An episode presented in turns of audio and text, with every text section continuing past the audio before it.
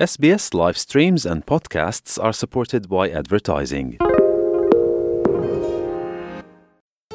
លោកអ្នកកំពុងស្ដាប់ SBS ខ្មែរ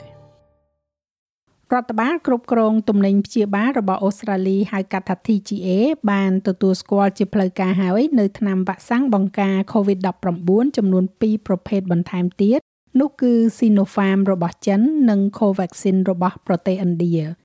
ការអនុម័តនេះធ្វើឲ្យមានការធូរស្រាលជាខ្លាំងសម្រាប់សិស្សនិស្សិតពលរដ្ឋនិងសមាជិកក្រុមគ្រួសាររាប់ពាន់នាក់ដែលបានចាក់វ៉ាក់សាំងបង្ការយ៉ាងពេញលេញរួចហើយ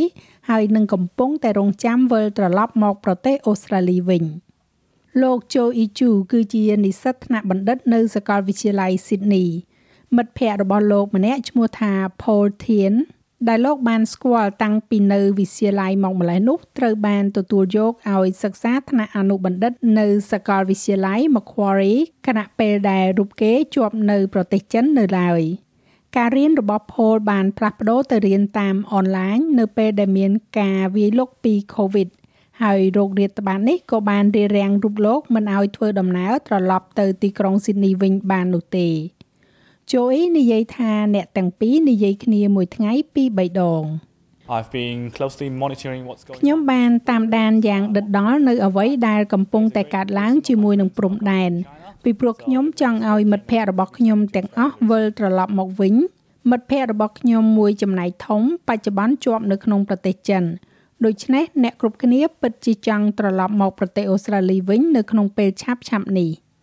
មិត្តភ័ក្តិដែលបែកគ្នាជាយូរមកហើយទាំងនេះអាចនឹងបានមកជួបជុំគ្នាវិញក្នុងពេលឆាប់ឆាប់បន្ទាប់ពីមានព័ត៌មានមកថាអូស្ត្រាលីឥឡូវនេះទទួលស្គាល់វ៉ាក់សាំងបង្ការ COVID-19 របស់ប្រទេសចិន Sinopharm និងថ្នាំ Covaxin របស់ឥណ្ឌាហើយជូអ៊ីនិយាយថានេះនឹងផ្ដល់ឱកាសបន្ថែមទៀតសម្រាប់សិស្សនិស្សិតអន្តរជាតិឲ្យវិលត្រឡប់មកវិញ I would definitely define this as ខ្ញុំច្បាស់ជាកំណត់ថានេះគឺជាដំណឹងវិជ្ជមានឬជាកាយវិការដ៏វិជ្ជមានសម្រាប់ការស្វាគមន៍ដល់ជនអន្តោប្រវេសន៍ដែលមានជំនាញក៏ដូចជាសិស្សនិស្សិតអន្តរជាតិឲ្យវិលត្រឡប់មកវិញព្រោះទីបំផុតវ៉ាក់សាំងទាំងនេះត្រូវបានទទួលស្គាល់ឬក៏យ៉ាងហោចណាស់ត្រូវបានអនុម័តនៅក្នុងកម្រិតខ្លះហើយខ្ញុំសង្ឃឹមថាមិត្តខ្ញុំនឹងវិលត្រឡប់មកវិញនៅពេលដែលយើងបានឈានដល់គោលដៅនៃអត្រាចាក់វ៉ាក់សាំង80% ហើយ Paul ក៏សង្ឃឹមផងដែរថានៅទីបំផុតរូបគេនឹងអាចវិលត្រឡប់មកទីក្រុង Sydney វិញ បន្ទាប់ពីរយៈពេល18ខែនៃការរៀនសូត្រពីចម្ងាយ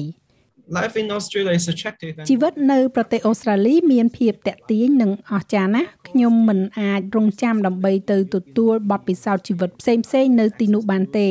ហើយជាការពិតណាស់ធនធាននៅក្នុងសាកលវិទ្យាល័យដែលខ្ញុំអាចចូលប្រើប្រាស់បាន ក៏អាចបង្កើនល្បឿនការស្រាវជ្រាវរបស់ខ្ញុំដូចជាបណ្ណាល័យនិងឧបករណ៍មន្ទីរពិសោធន៍របស់ខ្ញុំផងដែរ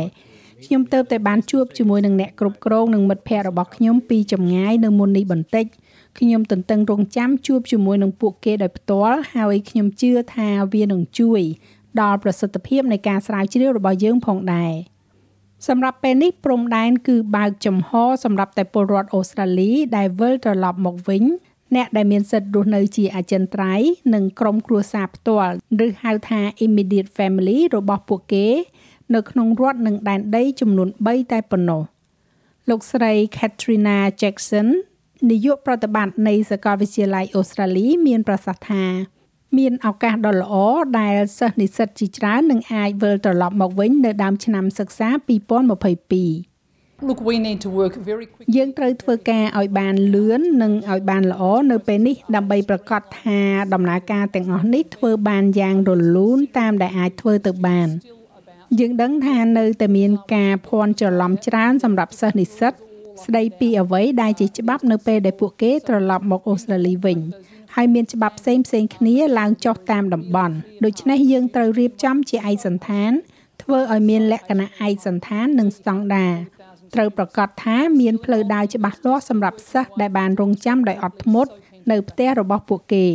និស្សិត13ទៅ14ម៉ឺននាក់នៅតែចុះឈ្មោះចូលរៀននៅសាកលវិទ្យាល័យហើយនៅតែរៀនពីចម្ងាយដូច្នេះពួកគេពិតជាចង់វិលត្រឡប់ចូលមកក្នុងប្រទេសនេះវិញណាស់លោក Andrew McKellar ដែលជានាយកប្រតិបត្តិនៃសភាពាណិជ្ជកម្មនិងឧស្សាហកម្មអូស្ត្រាលីមានប្រសាសន៍ថា លោកចង់ឃើញការធ្វើដំណើរដោយគ្មានការធ្វើចតាឡេសាសម្រាប់សិស្សនិស្សិតដែលបានចាក់វ៉ាក់សាំងពេញលេញហើយ